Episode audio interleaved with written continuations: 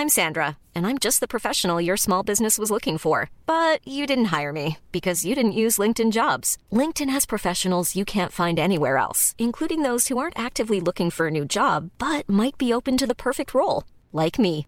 In a given month, over 70% of LinkedIn users don't visit other leading job sites. So if you're not looking on LinkedIn, you'll miss out on great candidates like Sandra. Start hiring professionals like a professional. Post your free job on linkedin.com/people today.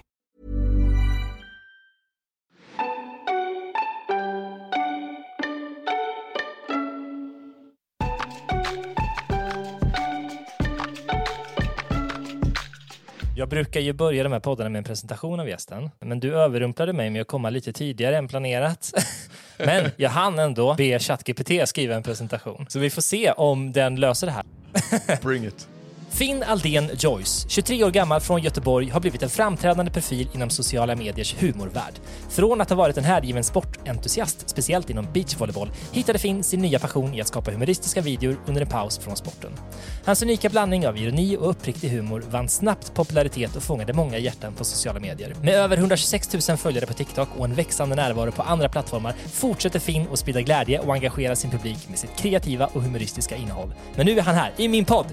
Finn! Wey, tack så mycket. Tack Emil. Tack eh, AI. Tack AI. Alltså jag måste ändå säga att AI får underkänt på den där. Ja, det lät lite...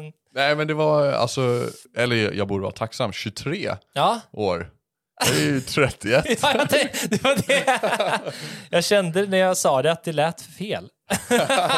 Det ska du inte säga. Jag Nej, inte så, men... var- ehm, Han ser så ung och fräsch ut. jo, absolut. Jag, jag tänkte 13 kanske. Men eh, det andra var ju bra. ja, Förutom följarna på TikTok Ja, också. det lät var, också fel. Det var helt fel. ja. Men som, ja, fullt transparent här, det var första gången jag läste det också. Ja men jag gillar det, jag gillar det. ja, men det, det var ju... Okej, det var några faktafel där då. Men i tillägg till den här presentationen, vad skulle du själv säga? Vem är Finn? Vem är jag? Ja, jag vet inte. En kille som gillar humor och har lyxen att jobba med det nu. Mm. Och sen det där med beach är ju också en stor del av mitt liv. Ja, ska vi bara backa bandet lite? För det visste inte jag om dig. Ja, men jag är egentligen inte så mycket av en kreativ kille, utan jag är en sportkille som på senare år har hittat kreativiteten och humor och sånt och tycker det är svinkul att skapa. Mm. Hur gick det till? Jag kommer ihåg när jag såg några av Dag Tolstojs gamla klipp när han slog igenom där 2020 eller vad det var. Och då hade jag precis fått en skada så jag kunde inte spela beachvolleyboll. Mm. Och det var ju ändå en stor del av mitt liv. Så då hade jag väldigt mycket fritid och då eh, tänkte jag fan jag testar att göra lite humorklipp också. Mm. Och sen eh, rullade det väl på efter det. Det var då du började med sociala medier. Mm. Och när var det här sa du? Under pandemin? Ja, typ 2020. Så dina första sociala medier, vilka var det? Eh, Instagram började jag på. Ja. Och vad la du ut då till en början? Min första riktiga sketch var en sketch om typ crossfit-folk. Mm. Alltså, ja, folk som är crossfit. Just det. Så spelar jag in den i källargymmet. Ja. Hur lät den ungefär? Eller jag kan ju klippa in den här. Har jag berättat när jag tränar crossfit? Det är viktigt att träningen är funktionell.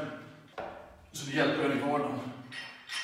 89, 80, 10, 81. Hur går det med Teresa då? Nej, hon börjar käka gluten så jag dumpar henne. Det är bra med sån här snedbelastning, då blir man balanserad i kroppen. Vad äter du för något? Inte kolhydrater. Jag tror det brukar gå ganska bra första grejen man gör. Mm. Så den var ändå uppskattad av mina kompisar. Mm. Men sen när man börjar göra fler klipp, då är det så här, vad fan håller han på med? Ja, just Ska- det. Han gör sånt nu? Ska han bli en spexare? Liksom? Ja, men exakt. Det är väl samma om man typ gör en låt eller någonting. Bara, Oj, vad kul att eh, bla bla bla Mm. har skapat en låt. Och sen när den fortsätter med det bara, jaha, det här är en grej på riktigt nu. Då försvinner den där stödet som man får automatiskt kanske från nära och kära. Ja, verkligen. Det är på något sätt lite prestigefyllt ju att så här, nu ska jag bli komiker, typ, eller skådis, eller vad man ska säga, influencer. Ja, ja men exakt. Det är väl eh, när man ser att någon försöker och det kanske inte går så bra. Men då från början hade du bara kompisar och familj och sånt på Instagram, gissar jag. ja, exakt. Mm. Hur bra gick den första gången? Du fick bra feedback, men liksom tittade folk direkt? Ja, mina kompisar och familj. Ja. Men inga mer än det. Ehm, Nej men eh, då fick jag väl ändå ganska positiv feedback Mm. från några och då är det väl kul. Känner man sig, ja men då kan jag göra lite till. Mm. Men sen dog det nog ut lite när jag började göra väldigt mycket liksom, Mm. som inte var så himla bra. Men var det på samma tema, lite parodi på personlighetstyper och sådär? Ja, men det var väldigt blandat i början. Jag testade väldigt mycket olika typer av humorklipp. Det kanske var att man klippte ihop någonting jag spelat in med någonting, alltså ett klipp från tv eller någonting, någon meme liksom eller något man har sett. Just det. Och så, ja, blandat med olika saker.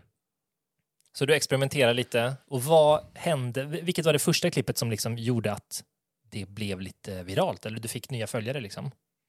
Jag hade ett klipp, jag började posta grejer på TikTok för jag hade någon kompis som sa att jag borde göra det också. Och då hade jag något klipp som var typ alla vänsterpartister Mm. gjorde jag. Och så en bara överdriven liksom PK och polis typ. Mm. Och den, jag kommer ihåg när den gick viral på TikTok. Och så bara gick jag in och så kommer det massa kommentarer och följare och sånt och bara shit. Mm. Det är typ nervös första gången jag gick viral. Jag bara, gud vad galet. Ehm, så det var nog första klippet. Men det var mest för att det var så himla kontroversiellt bara. Just och så det. var det massa typ eh, SD-folk som hade gått in och bara älskar det här, ja så jävla sant. Mm. Så jag hade bara SD-följare i början på TikTok. Ja, vad kul. Eller ja, men lustigt. ja, ja, men och den effekten då? Fick du liksom tusentals följare direkt på den videon då? det kommer jag inte riktigt ihåg. Jag fick väl några hundra eller någonting på Ja, TikTok. ja. Men eh, tusentals tror jag inte. Kan man säga någonting generellt om liksom när du började få följare?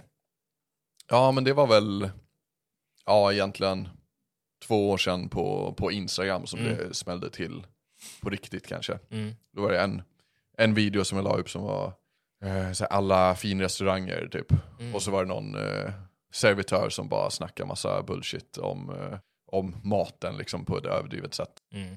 Flamberade trädgårdsprimörer. Här har du Maillard Gremolata Paté med isländsk tranbärsemulsion, det är mise en place. Här har vi sauterad croissant sous vide, tillagad i vår stenugn från 1563. Designad av Leonardo da Vinci och monterad av Sokrates. Här borta ser du fondue de Elon Musk. Den är förjäst i Hiroshima. Betastrålningen ger den en pikant eftersmak. Efter Hiroshima så skickar vi upp den till Pluto. Snabb nedkylning. Skickar den igenom Sagittarius A, alltså det svarta hålet. Då får rätten en lagringstid på 14,6 biljoner år. Men så snabbt går det i vår tid liksom. SpaceX skickar ner rätten till mig. Jag har tillagat den i köket genom att mikra den.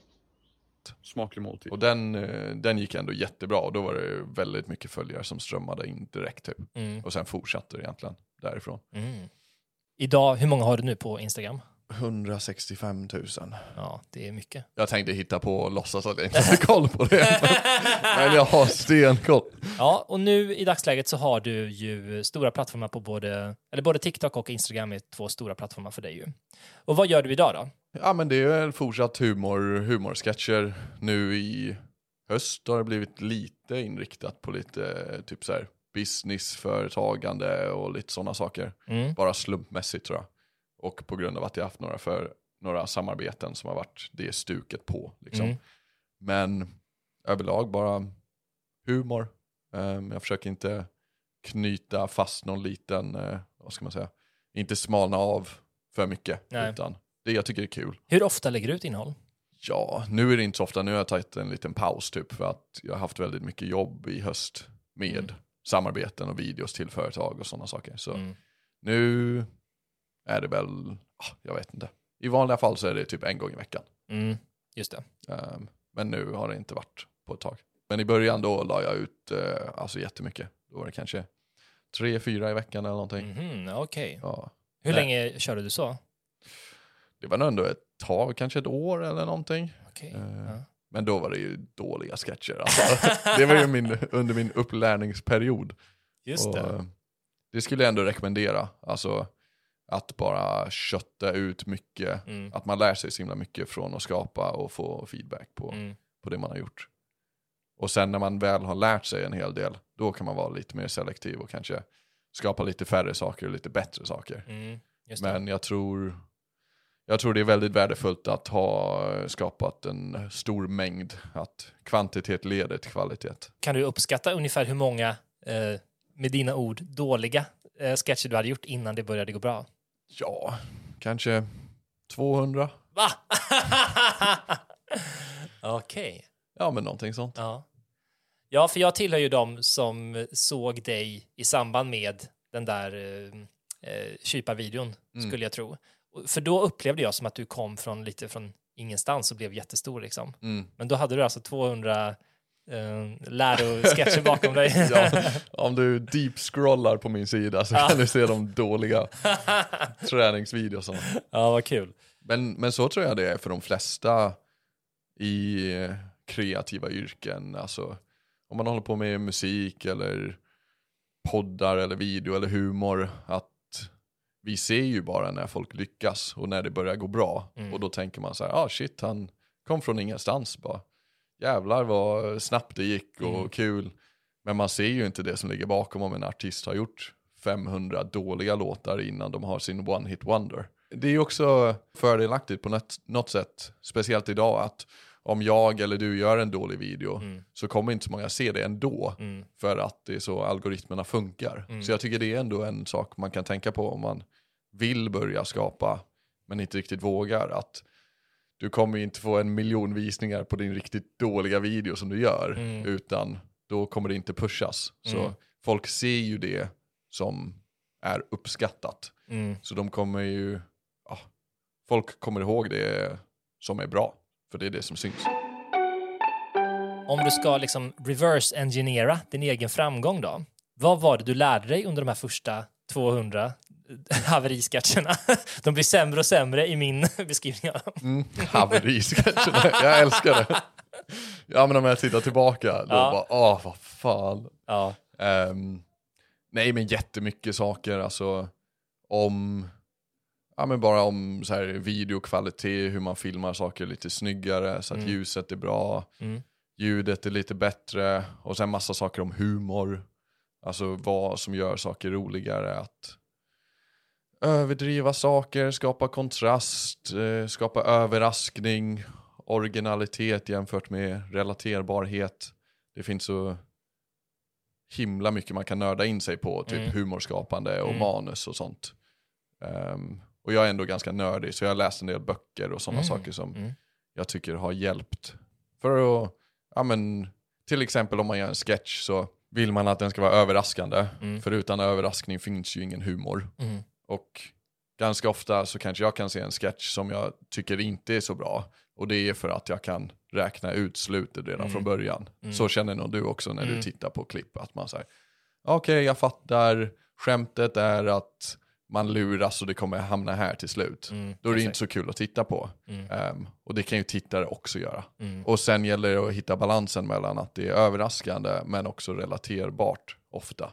Mm. Till exempel om jag ska ta den där kypar-videon jag gjorde. Mm. Då tror jag det jag lyckades med ganska bra i den var att det är igenkännbart att kypare snackar på ett överdrivet fancy sätt med fina ord. Mm. Men det som var lite originellt i den var att jag överdrev väldigt mycket och att det är konstiga exempel. Mm, att det det. var så här, ja Elon Musk har skickat den genom Andromeda-galaxen med SpaceX A43. Medan jag hade kunnat bara säga att det är, ja, snacka massa fina ord som är rimliga. Mm. Men då är det så här, haha jag känner igen det. Mm. Men det är inte, haha vad överraskande det var också. Mm. Nej men precis, det är lagom far off ju och det är ju en kul spaning om Elon Musk mitt i det också. Mm. På något sätt. Att han skulle kunna göra det liksom. Har du några fler exempel på sådana verktyg liksom? Som man kan ta med sig när man ska göra en sketch?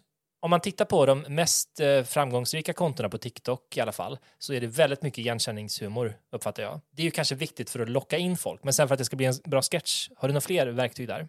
Jag tror det handlar om lite vad man vill göra också. Alltså om man bara vill få så mycket tittare som möjligt så finns det ju, ja, alltså hur länge de tittar på klippet är ju väldigt viktigt. Mm. Men det handlar också om så här, vad har du för tankar med ditt innehåll?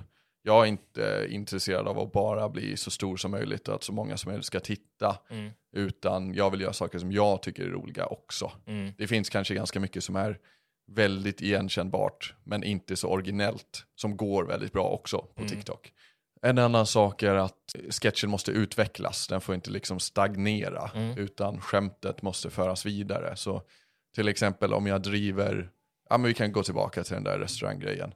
Om det första man säger är lite överdrivet så kan man inte hålla det på samma nivå hela vägen. Utan då kommer tittare droppa av för det, är inte, det händer inte mer. Utan det måste finnas en utveckling. Så då, det jag lyckades med i den sketchen är att det överdrivs ännu mer och ännu mer och ännu mer och sen är det slut. Mm. Så att det finns en eh, utveckling och att det blir bättre och bättre och bättre. Just det. Vilket är ju lättare sagt än gjort. Ja. Det är väldigt lätt, lätt i teorin. Men, eh, och jag skulle tillägga att det är ju väldigt viktigt med starten. Så det är Mm. ju att ha någon slags hook eller något starkt skämt i början. Mm. Så om man skulle måla en diagram av hur rolig sketchen är så hade man velat ha den är jättekul i början. Mm. Sen sjunker den ner liksom till halva, halvvägs och sen så går den sakta men säkert upp till toppen igen i slutet. Mm. Just och sen är det slut. Hur tänker du kring, eh, om vi ska kalla det hooks då? Hur man ska få folk att stanna kvar vid klippet? Jag tror det hjälper ganska mycket att ha bara en text på skärmen. Det brukar jag ha. Mm. För då man vill liksom bara läsa det oavsett vad det står. Mm. Och sen att man har något roligt skämt snabbt i Mm. början. Mm. Eh, Men sen är jag inte så sugen på att liksom klippa sönder mina sketcher och lägga på massa animationer och göra dem så här super, ehm, vad ska man säga, attention span eh, hooking liksom. Mm. Vilket man hade kunnat göra och vissa gör typ på YouTube och sånt. Men då blir det också så att då är det ju de följarna som du får. Mm. Och det är den målgruppen som sen följer dig. Mm. Och det beror på vilka man vill ha. Mm. Jag vill inte ha att majoriteten av mina följare inte kan liksom hålla, hålla sitt fokus i mer än en sekund. Utan jag skulle hellre, då- om vissa av dem tycker om det så fine. Mm. Men jag vill hellre ha dem som kan titta på en bild i 30 sekunder. Mm. Om det är väldigt bra manus och roliga skämt, bla bla bla. Mm. Så det är något som är värt att tänka på också. Att så här, vilka vill du ska titta och lyssna? Mm. Så att man inte bara anpassar ut efter, ja det här får flest visningar. Mm.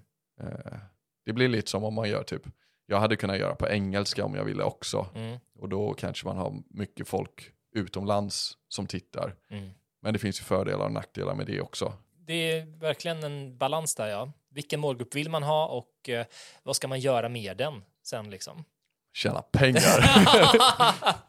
ja, men på, på ett sätt, om du hade gjort det på engelska då så kanske du hade fått miljontals eller mm, tio miljontals liksom. Men då finns ju inga svenska marknadsbudgetar kanske som, som du kan komma åt på samma sätt. Mm. Det blir mycket större konkurrens, ja. Ja men det tror jag definitivt. Det blir ju mindre konkurrens inom Sverige om, Mm. man, om man håller på att göra eh, bra svensk humor Mm. jämfört med bra engelsk humor. Mm. Om vi bara, liksom, ditt visuella uttryck, visst är det eh, i regel en fast kamera i stort sett? Det är inte, alltså visuellt är det inte klipp hela tiden och flera vinklar och sånt där. Nej, oftast är det nog bara en kamera på ett Ja. stativ och sen kanske man klipper in ut lite eller Exakt. något sånt. Mm. Men så det som driver liksom är egentligen då manuset och skämten. Ja. Ja, det får man ju hoppas på. Ja. Men, men jag gillar att göra sådana, jag tycker det är kul att hålla det enkelt också. Mm. Jag tycker det är kul när jag ser andra kreatörer som lyckas skapa en liksom one take Mm. som ja, man filmar en gång utan att klippa i den Mm. och som blir jävligt bra. Ja. Jag tycker det, det tycker jag är lite konstnärligt fint. Typ. Mm. Det, det tycker jag kan jag se upp till. Bara fan snyggt gjort alltså Mm. och lyckas ta det och göra det bra. Ja, och om man ska tänka långsiktigt så är ju det också mycket håll, mer hållbart än om man ska lägga liksom tio timmar på redigeringen för varje video liksom. Jag tror efter jag hade gjort eh, hundra av mina katastrofvideos i början. Då märkte jag att så här, vissa gjorde jag typ som en meme, som är ett skämt. Mm. Alltså det är liksom, ja, ja men en väldigt kort video som kanske är 10-15 sekunder. Mm. Och då kände jag efter ett tag bara, fan det här är inte så himla kul när det bara är ett skämt och sen är det slut. Utan det är liksom ganska låg nivå på det, kändes det som för min del. Mm. Och då satte jag nog upp någon regel för mig själv att så här, jag vill att alla mina videos ska vara över 30 sekunder typ. Mm. För att det blir mer av ett verk. Men om man bara sammanfattar lite vad vi pratat om här, då är det ju lite som att du, du vet vad man ska göra för att det ska bli liksom så optimerat för att få tittare och visningar. Men att det inte är liksom målet egentligen, utan du vill göra humor. Och då... Ja, men det, det skulle jag säga. Ja. Jag vet att hela din värld rasar samman nu. Nej, inte alls. Jag Nej, tycker jag det är bra. Nej, men för att eh, om man ska vara lite hård mot eh, en del av det innehållet som är det mest visade på TikTok till exempel, så Mm. tycker jag att det är egentligen många gånger är det bara igenkänning. Ja, Ibland eh, hittar man inte änden på täcket liksom. Så, här, så är det. och jag har varit med om det. Men ja det är det stämmer. och där är det slut. Ja. ja, men där är ju verkligen tricket som jag tycker man borde göra för att skapa bra humor.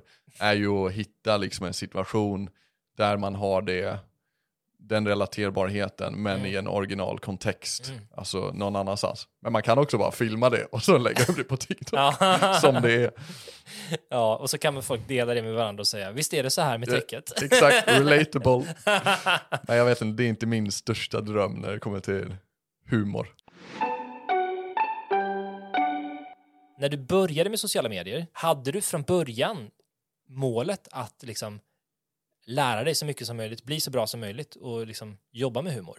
Inte precis från början. Från början var det bara en rolig grej. Mm. Men ganska snabbt så eh, tog jag ändå bytte till den inställningen. Liksom. Mm. Eh, jag har nog tagit en hel del från sport. Att så här, utvecklas och försöka bli bättre och se vad man kan lära sig och sånt. Mm. Eh, så jag tror det var, ja, det var i alla fall eh, sex månader som jag inte gjorde några samarbeten eller någonting och bara fuck it nu kör vi. Alltså all in på det här, jobba inget annat utan så här Mm. okej.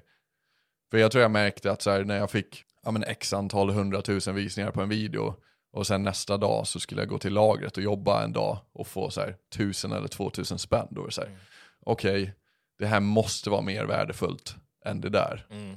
Så då var det mer så här, jag, jag tog ändå ett eh, medvetet beslut att bara fuck it, nu kör vi. Så nu lägger vi all krut på det här. Ja. Och vad gjorde du? Sa du upp dig då? Eller? Ja, jo jag slutade jobba. Ja. Jag lånade lite pengar av mamma. Okej. Och nu har jag betalat tillbaka dem. ja, nice.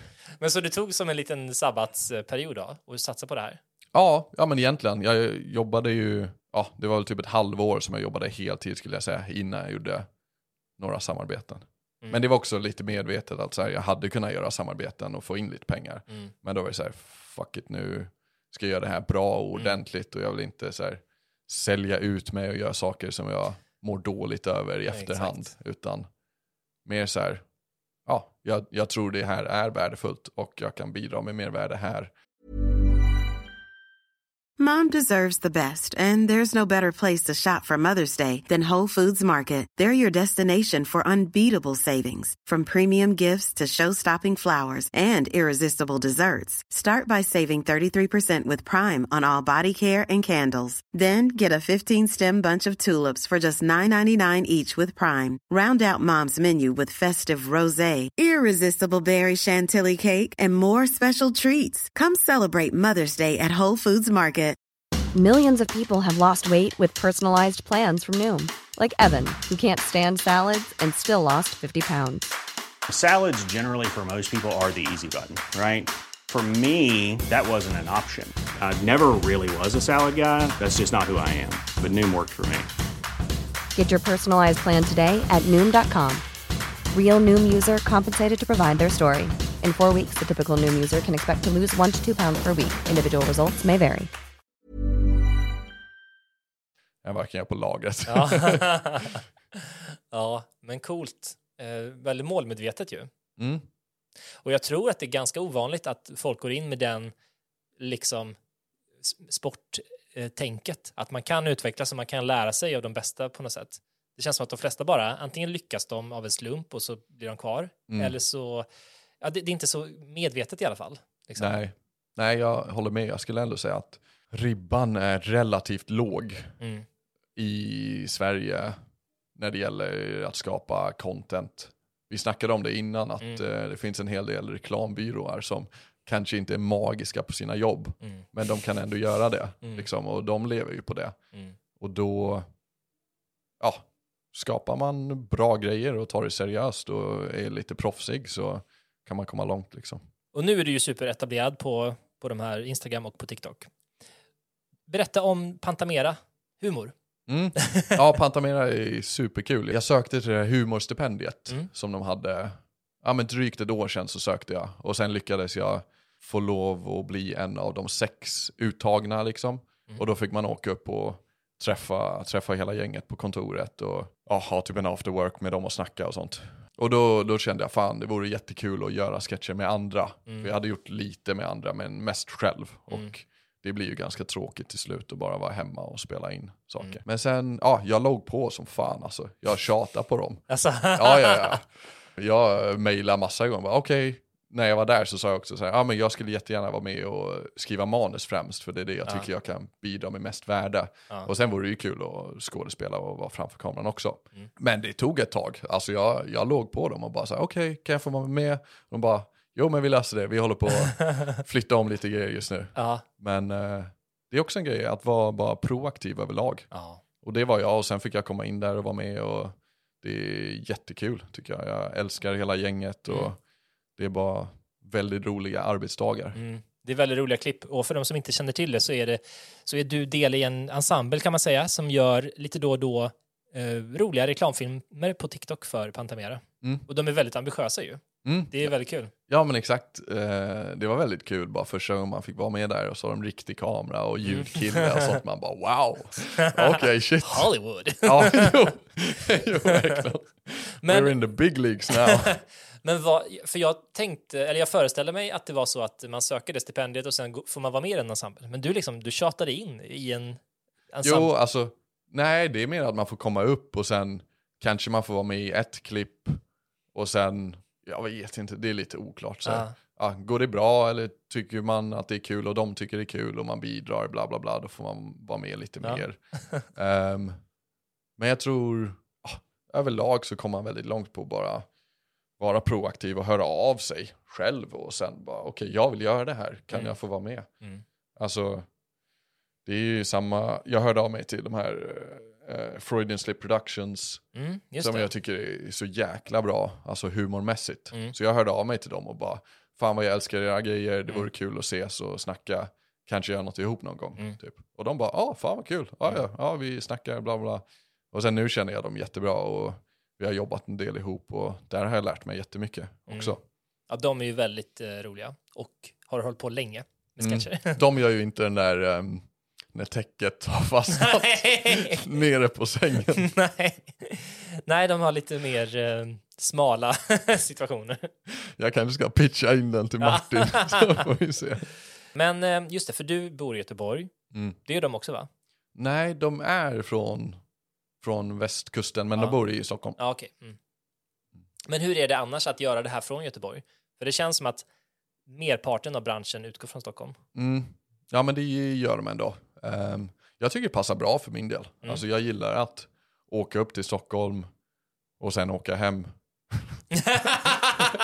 Ja, men det, är lite, det blir lite två olika liv. Liksom. Mitt Ja. liv i Göteborg handlar mycket om alltså, ja, men beachvolleybollen och träningen och hela sociala eh, livet jag har där. Ja. Och sen åker man upp till Stockholm och så har man Mm. andra kompisar här och så jobbar man och Mm. skapar grejer. Och, och sen så åker man hem och så får man lite break från båda två typ. Vad har du för ambitioner framåt? Det låter ju som att du är väldigt intresserad av humor lite mer brett än bara liksom få fler följare, fler likes. Berätta. Eh, ja, ja, men jag tror att jag är väldigt glad över att jag har hittat det jag håller på med idag. Och jag tror att jag kommer hålla på med humor resten av mitt liv. Mm. Så jag ser ändå, trots att jag inte är 23, så har jag ändå ganska många år framför mig som jag kan skapa saker. Och så tänker jag väldigt öppet att jag behöver inte skapa världens bästa grej nu, utan tänk vad coola grejer jag kan skapa om typ 20 år. Mm. Om jag bara lär mig saker och fortsätter jobba på Mm, liksom hela tiden från nu tills dess. mm, Hur jävla bra humorfilm kan inte jag skapa då? Eller mm, eh, ja, om jag gör stand-up, hur bra kan man inte bli då? mm, men eh, jag, vet, jag vet inte exakt vad jag vill göra, men jag vet att det vill, mm. jag vill jobba med humor. Men du har inget eh, liksom konkret projekt som ligger i pipen eller så? Nej, det är ganska mycket olika saker. Mm. Jag tog ändå ett medvetet beslut också att prioritera sociala medier Mm. och sketcher fram tills att jag kan leva på det. Mm, just det. För jag testade stand-up ett par gånger, drygt ett år sedan Mm. nu. Och det var väl i samma veva när det började gå bra med sketcherna. Mm. Så då var det lite så här, fan, det vore kul med mer stand-up också. Mm. Men jag var broke, hade inga pengar och bara så här, ah, jag har precis fått lite momentum på sociala medier. Mm. Och då bestämde jag mig, fuck it, vi kör bara på det tills Mm. jag kan leva på det. Och sen kan jag göra exakt vad jag vill efter. Om tid, pengar eller andra resurser inte var något problem, vad skulle du vilja göra då? Om tid, pengar och vad var det sista? andra resurser? Andra resurser var eh, unlimited pant. Ja. Nej men om jag kunde göra exakt vad som helst, då hade jag nog typ alltså tagit alla som jag tycker är duktiga och bara betalat dem fett med pengar och bara nu ska vi göra någonting ihop. Mm. Ja, så här, okej nu ska vi skapa en humorserie, Mm. jag pröjsar för allting. Mm. Hur vill ni göra för att bidra maximalt med det ni är bra på? Mm. Att, så här, samla ihop alla som är duktiga och se till att de får fett med pengar, Mm. tror jag. ja, det hade varit kul att se vad det kunde bli faktiskt. För det är inte riktigt så produktionsbolag jobbar. Eller de kanske tänker att de gör så, men det är mycket annat som styr också. Mm. Jag har en fråga till dig också. ja, kör. Ehm, jag och min kompis August, eller Sommarkatten, har ju börjat po- startat podd nu. Ja. Och jag skulle vilja veta vad du har lärt dig om poddande. Nu när du har skapat 48 avsnitt av den här podden. Stenkoll. Det mest uppenbara är väl att man inte ska planera för mycket på något sätt. För samtal blir ju inte som man har tänkt sig. Till en början så hade jag en väldigt exakt frågemall som jag ville ställa till alla för att det skulle bli lite jämförbart liksom. Ehm, lite som om det var en enkät till en eh, uppsats i skolan liksom. Men jag märkte att det blev styltigt och eh, stolpigt och tråkigt. Liksom. Så det bästa är väl egentligen att vara förberedd, läs på, men var beredd att gå andra vägar också om någonting händer. Liksom. För det blir roligare. Och eh, också en sak som jag lärt mig är att man inte ska klippa för hårt. Mm, För Det ja. var också en ambition jag hade i början att det skulle vara så här super tight liksom. Att om jag ställer en fråga, så klipp till ditt bäst formulerade svar. Liksom. Ja. För ofta börjar man ju i en ände och sen kommer man på vad man ville säga och så säger man det. Men då låter det inte som ett samtal. då låter det typ som ett TED-talk eller någonting. Och det blir liksom, man orkar inte lyssna på så kondenserad information typ. Mm. ja, det kanske inte blir så personligt. Nej, så måste man kanske göra om man ska klippa ut ett utdrag till TikTok eller någonting. Men om man ska lyssna på 40 minuter och allting är liksom super eh, koncist så blir det lite Mm. tungt typ. Mm. Så lite sladder är nog bra att ha. Så idag, då ska fan allt vara med. Ja, exakt. Ja, det är typ de grejerna jag kommer på spontant. Mm. Jag tror jag är lite eh, åt andra hållet. Så jag kanske behöver jobba lite mer. Jag gillar att freestyla och ta saker som de kommer. Ja, Ehm, men jag tror jag måste planera och lägga ner lite mer tid inför. Man kanske alltid hamnar på en sida av det spektrat liksom. mm, Och så får man jobba åt andra hållet. mm. Och sen, eh, ja, men det är väl det, man lär sig ju på att planera också. Mm. Sen om, behöver man inte följa den planen, men då har man i alla fall tänkt på saker som kan hända. Så här, idag, jag skulle normalt ha planerat mer inför en Mm. intervju. Eh, sådär. Men det blir ju bra så här också. Riktigt bra skulle jag säga.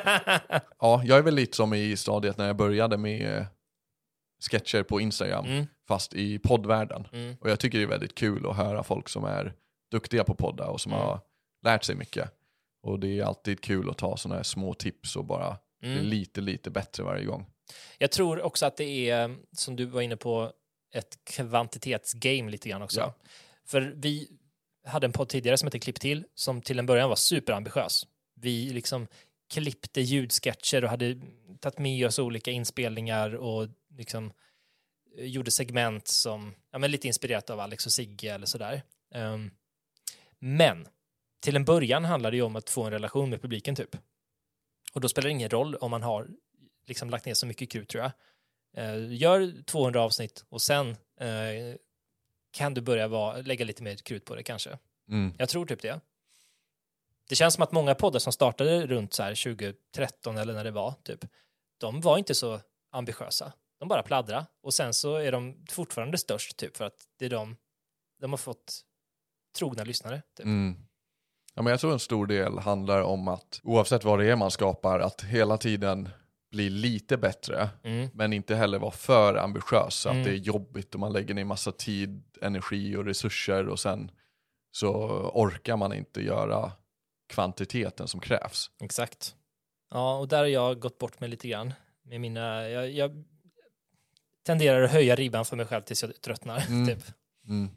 Det är farligt. Men det tänkte jag också på ganska medvetet med mina klipp i början, för jag köper verkligen att kvantitet leder till kvalitet. Mm. Och då var det verkligen så här att jag har spelat in en sketch, ehm, jag har klippt den, den är färdig typ, och så ser jag någonting, bara fuck, okej du liksom sluddrar på det där ordet. Mm. Skulle kunna spela in det. Det hade verkligen gått. Ehm, och det kanske tar 20 minuter extra. Mm. Men då vet jag så här, fan men då är det inte kul, jag pallar inte, jag vill inte. Mm. Och då har jag ändå medvetet sagt, nej det duger. Mm. Okej, posta den. Nästa sketch. Och då kan man tänka på den grejen som man missade Mm. inför nästa. Just det. Det är nog sunt faktiskt. För det går så fort. Det är 30 sekunder senare är de på en annan sketch. liksom. Mm. De går inte att tänka på det som du gör ändå ju. Vilken är den viktigaste lärdomen som du har fått under den här intensiva karriären? Ja, jag skulle summera hela allting väldigt enkelt. Alltså, folk frågar typ, okej hur ska jag få mer views på TikTok, bla bla bla, hur får jag mer följare, hur blir jag stor, bla bla bla. Det handlar bara om att skapa bättre grejer. Mm. Och det är inte så kul att höra alltid. Mm. När folk bara, nej men jag är fucking shadowbannad här, eller nå- någonting är fel, jag får inga views, bla bla bla. Men skapar man väldigt värdefulla saker, Mm. då finns det mycket värde där. Mm. Och så kommer man få värde tillbaka liksom. Eh, folk hör av sig, man får samarbeten, bla bla bla bla bla. Om jag, ja men, ja, om man blir väldigt bra på det du gör så kommer det gå vägen. Så Mm. fokusera mer på att skapa så bra grejer som möjligt snarare än så här, okej hur får jag fler följare? Mm. Vilken tid ska jag posta? Mm. Sådana saker. Det är nog om branschen. Mm. Ja, och om livet, jag lägger till det. Jag tycker bara det är så himla värt att försöka spendera din tid på det du älskar att göra. Mm. Bara testa och sen Mm. faila i sådana fall och sen Mm. gå tillbaka till lagjobbet Mm. eller whatever. Men att det är, ja, det är ganska få som faktiskt vågar göra det de verkligen vill göra. Mm. Och då om man är en av de få som faktiskt gör det, då har du en ganska stort försprång. Mm. Jag tänker att så här, typ varje person i Sverige har nog tänkt tanken om att starta en podd någon gång. Mm. Och så kanske, whatever, 10 000 pers har gjort det. Mm. Och sen kanske 1 000 pers har gjort 10 avsnitt. Ja. Så det är så här, ja, man, man har en väldigt stor fördel av att bara göra. Verkligen. Det är sant. Om man, det är inte så många som gör ändå. Det känns ju som det, men hur många i Sverige kan vara influencers? Det är ju inte fler än tusen. Kanske. Nej. Nej, det är jättefå. Ja. så det finns plats för fler. ja, och det är en gemensam faktor på alla som jag har träffat inom den här branschen. Mm. Att de har inte mer talang än någon annan, men de är väldigt duktiga på att göra. Mm. De skapar väldigt snabbt Mm. och de har inte så mycket bromsar. Nej, det är nog eh, 80% av receptet egentligen. Ja men Bara verkligen, gör. bara gör det. Och, och konkret, så här, om man börjar idag då, har vi några råd? Det kanske är just områden då. Bara gör tills du hittat vad du ska göra. Mm. Jag tror många kanske letar efter värsta planen Mm. och vill veta vart ska jag vara om eh, ett halvår, vad kommer jag göra då? Mm. Men jag tror inte riktigt man kan veta det innan man har börjat. Nej. Utan det är mycket bättre att börja och sen inser man så här, fan det här var inget kul. Eller jag gillade inte att göra sketcher på Mm. Instagram. Jag kanske gillar att göra typ nyhetsinslag med så här samhällskritisk information Mm. på YouTube istället. Mm. Och så, men det hade du aldrig vetat om du inte testar den första grejen. Mm. Nej, man får börja först helt enkelt. Ja, när man börjar gå på vägen, då börjar vägen synas. Oh! Där skulle jag vilja trycka upp på en tröja. Ja, jag bjuder på det. Fanns det någon fråga som du trodde vi skulle komma in på som vi inte varit inne på? Nej, inte sådär spontant. Men jag skulle vilja veta vad du vill göra framöver. Jag skulle vilja jobba mer med sociala medier tror jag. Eller så här, jag gör så mycket olika saker Ja. för att man försöker, man får som nyckel, tänker att jag tror att eh, utbildning inom sociala medier, det är det jag ska göra. Så bygger man upp någonting inom det och lägger tid på det. Sen har jag jobbat mycket med tv och utveckling av tv-program och manusförfattande och sånt där. Och det är ju kul, men jag vill också stå bakom det själv, lägga upp det själv liksom. För att eh, det är mycket roligare att göra saker åt sig själv. Då blir det som man vill också. Mm. Även om färre tittar kanske eller så, men eh, det är mycket mer givande att få ut en idé eh, och folk ser att man har gjort det. Liksom. Så ja, mer sociala medier och fortsatt humor, liksom. det är det jag tycker är kul också. Men jag är lockad av att göra lite, lite mer reality-grejer än bara skrivna sketcher. Liksom. Mm. För att det är också, känns lite mer hållbart att göra på något sätt. Det behöver inte, man behöver inte liksom städa rummet eller liksom stoppa in rekvisita för att det ska se ut som något visst, utan det är bara, man kan vara lite skön i ett rum och det spelar ingen roll hur det ser ut typ. Om Mm. du förstår vad jag menar. Det, det har varit så himla tungt med eh, rekvisita och kostym och sånt där i mycket av det som är gjort för tv. Och även Mm. det som jag och Daniel har gjort har ju varit liksom suttit länge och byggt saker i papp för att det ska se ut på ett visst sätt. Igår satt jag och knöt, eller virade ihop en stjärngossestrut av en gammal affisch. Och, och, ja. och sånt är kul, men det är inte där man vill lägga energin egentligen. Du bara, men så kul är det inte. Men det är svårt. Det, man är så splittrad hela tiden. Och det som jag märker är framgångsreceptet hos mina gäster här, det är att de gör ju en sak för det Mm. bästa.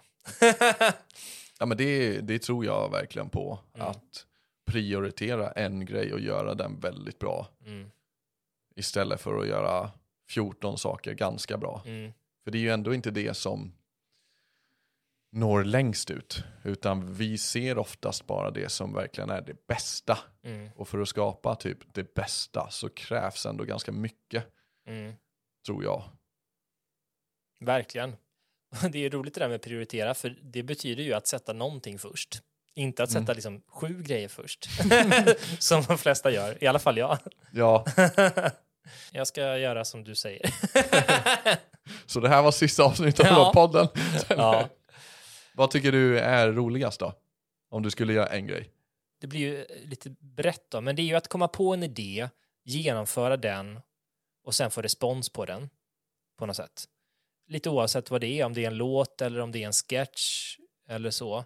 Men i praktiken så är det väl kanske då att få en idé till en video på sociala medier, spela in den och sen se att folk tyckte det var kul också. Liksom. Mm. Det är ju det roligaste. För jag kan tycka att det, jag har gjort så mycket åt andra också. Och det är ju kul arbetsprocess att skriva ett manus åt en annan till exempel. Men det är inte samma belöning sen. Då har man bara lämnat ifrån sig den och sen så får man liksom inte, man känner ingen delaktighet i responsen på det på något Mm. sätt. Jag fattar lite vad du menar. Ja. Man vill ha den helheten tror jag. I, att få komma på en idé som man själv tycker är kul och sen responsen att folk också tycker det är kul. Mm. Det tror jag. Det var lite med de här samarbetena jag gjorde nyligen när jag skapat videos åt företag som ska bara visas internt Mm. eller på julfest eller någonting. Mm. Det är ju, först tänkte jag bara, gud vad bra, för jag vill ändå bredda mig och kunna göra saker som inte är reklam på min kanal. Mm. Och sen efter jag lagt väldigt mycket krut och tid på de här grejerna för att göra dem bra, Mm. och så har jag skapat dem och sen bara, vad fan jag vill ju att de ska synas. Ja. För jag är, liksom, jag är stolt över dem Ja. nu för att jag har gjort det bra. Ja. Och nu har jag insett att det är lite mer så jag ska tänka. Att till exempel om jag gör ett samarbete, Mm. då ska den ju vara så pass bra så att jag vill att den ska synas, så att det finns ett mervärde i den. Mm. Oavsett om det är reklam, att så här, jag är ju fan stolt över den här. Och annars så, då ska du nog inte göra det. Mm. I den optimala världen. Mm. Men det var ändå en intressant eh, reflektion som jag började tänka annorlunda Mm. efter jag hade gjort de här videorna. Mm. För först var jag så här, gud vad bra att kunna göra något som ingen annan ser. Mm. Då tjänar jag liksom pengar på min skill bara. Ja. Men sen bara, jag tyckte det blev väldigt bra. Mm. Jag skulle vilja att fler ser det. ja, det är ju också faran, för då kanske du vill lägga ut dem eh, utan att få betalt. Eh, Mm.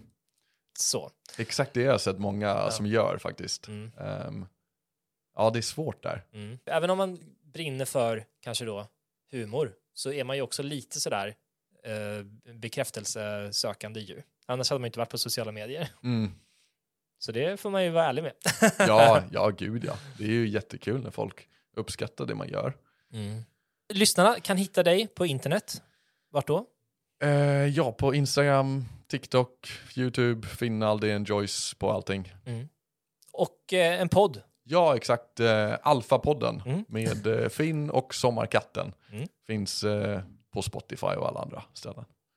Den ska ni lyssna på. Det ska jag också göra. Just det, Fin, det, Finn är, är du halvengelsman, eller hur var det? Det var någonting, jag läste någonting där i farten.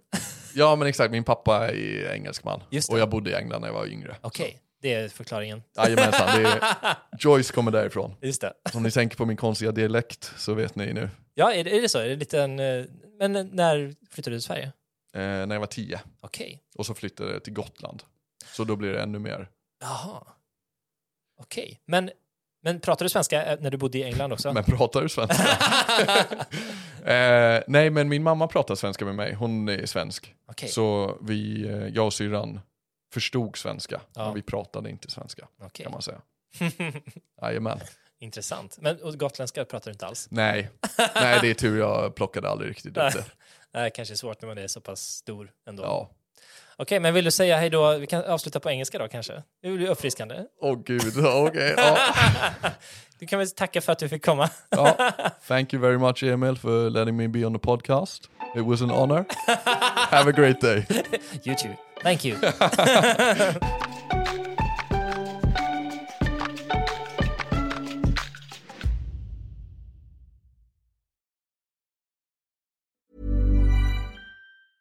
Planning for your next trip?